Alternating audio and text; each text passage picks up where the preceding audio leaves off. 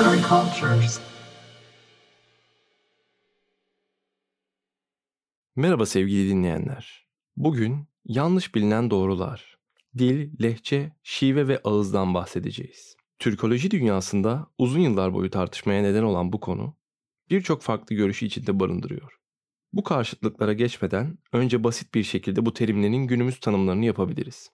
Dil, sözlükte elinden fazla anlamı karşılar. Bizim konumuzu ilgilendiren ise lisan kelimesiyle eş anlamlı olan belli bir insan topluluğuna özgü sesli göstergeler dizgisi anlamıdır. Dil aynı zamanda insanların duygularını, düşüncelerini bildirmek için sözcükler ya da işaretler aracılığıyla yaptıkları anlaşmadır. Yani dil iletişimdir ve canlıdır. Peki lehçe nedir? Lehçe, bir dilin ses, yapı ve söz dizimi özellikleriyle ayrılan koludur. Diyalekt olarak da adlandırılır. Tarihsel, bölgesel, siyasal sebepler etkilidir. Bu ayrılan kol farklı coğrafyadadır. Şive ise bir dilin izlenebilen tarihi dönemlerinde ayrılmış koludur. Ve bu ayrılıklar lehçede olduğu gibi keskin değildir. Bu da söz konusu olan aynı coğrafyadır. Ve son olarak ağız aynı dil içindeki farklı bölgelerin konuşma dilindeki söyleyiş farklılığıdır. Peki Türkoloji dünyasını ikiye bölen Ankara ekolü ve İstanbul ekolü ortak bir noktada buluşamayan neydi? Adlandırma dilcilikte önemli bir sorundur. Bir ana kaynaktan türemiş dillerin birbirleriyle ilişkileri ve bu dillerin nasıl adlandırılmaları konu olduğunda Türkiye Türkolojisinde tartışmalar başlamıştır. Bu tartışma dil, lehçe, şive, ağız terimleri etrafında can bulmuştur. Tartışmaları başta belirttiğimiz gibi iki ekol üzerinden anlatmaya çalışacağız. Sonrasında ise tartışmalar iki öncü arasında devam edecek. Profesör Doktor Talat Tekin ve Profesör Doktor Ahmet Bican Ercilasun. Yeni lisan hareketinin öncülerinden Ömer Seyfettin bir yazısında Türklerin dillerinin asıl ve esas itibariyle bir olduğunu dile getirir. Ona göre Kırımca, Tatarca hatta Azerbaycanca ayrı dil değil birer lehçedir ve Türkçedir. Yine ona göre bunları dil denme sebebi Türk milletini inkar etmektir. İstanbul Türkoloji ekolü lehçe, şive, ağız şeklinde üçlü bir ayrım yapar. Bu ayrımın özünde Reşit Rahmeti Arat'ın fikirleri vardır. Ona göre kavmi birlik esastır ve ayrım böyle yapılmalıdır. Bu üçlü ayrımı devam ettiren bir başka İstanbul ekolü ismi Profesör Doktor Muharrem Ergin'dir. Yazdığı ve defalarca baskısı yapılan dil bilgisi kitabında bir dilin muhtelif lehçeleri, şiveleri ve ağızları bulunur.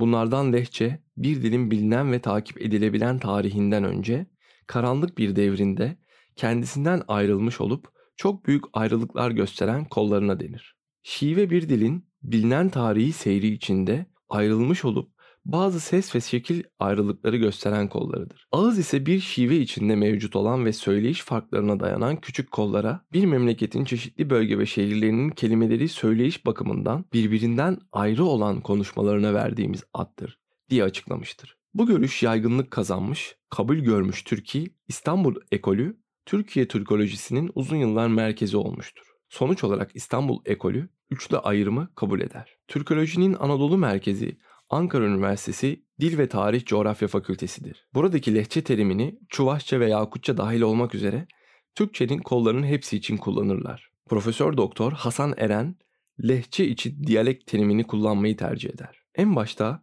geri planda kalan Ankara ekolü 1980'den sonra ön plana çıkmaya başlar. Bunda Türk Dil Kurumu etkisi büyüktür. Hatta Zeynep Korkmaz ile basılan gramer terimleri sözlüğünde şive terimine yer verilmez. Uzak lehçe kullanımı ise dikkat çeken bir İstanbul ekolü karşıtlığıdır. Tartışmalar bu süreçte ilerler. Sıcak tartışmalar ise Gazi Üniversitesi ve Hacettepe Üniversitesi arasındadır. Gazi Üniversitesi İstanbul ekolü ve Dil ve Tarih Coğrafya ekolüne yakındır. Fakat Hacettepe Üniversitesi lehçe terimini tamamen reddeden, Türkçenin kollarının hepsini dil olarak kabul eden yeni bir cephedir. Tartışmaların öncülüğünü ise Gazi Üniversitesi'nde Ahmet Bican Ercilasun, Hacettepe Üniversitesi'nde Talat Tekin yapar. Ahmet Bican Ercilasun, Türk şive ve lehçe terimlerini savunur. Türkçenin kolları için dil terimine itiraz eder. İstanbul ekolünde bahsettiğimiz Arat'ın üçlü ayrımını kabul eder. Türk dilinin lehçelerini üçe ayırır. Türkçe, Çuvaşça, Yakutça. Türkçenin iki yazı dili olduğunu kabul edip diğerlerinin ağız veya konuşma dili iken 20. yüzyılda yaratılmış yazı dilleri olduğunu belirtir. Ona göre önemli olan dil ile yazı dilini birbirinden ayırmamızın gerekliliğidir. Bir örnekte şöyle der. Nasıl Türkiye Türkçesi genel Türkçenin bir kolu ise Özbek Türkçesi de genel Türkçenin bir koludur. Ahmet Bican Ercilasu'nun görüşlerini şu açıklamasıyla da en özet şekilde bitirebiliriz. Özellikle onların yukarıda Özbek örneğine devam olarak bizim parçamız değil, onların da bizlerin de aynı bütünün eşit parçaları olduğumuzu çok iyi vurgulamamız icap eder. Talat Tekin en başında Türk dillerinin birliğini savunsa da Türkçenin kollarının hepsi için dil terimini kullanır ve neredeyse tek başına karşı görüşü savunur.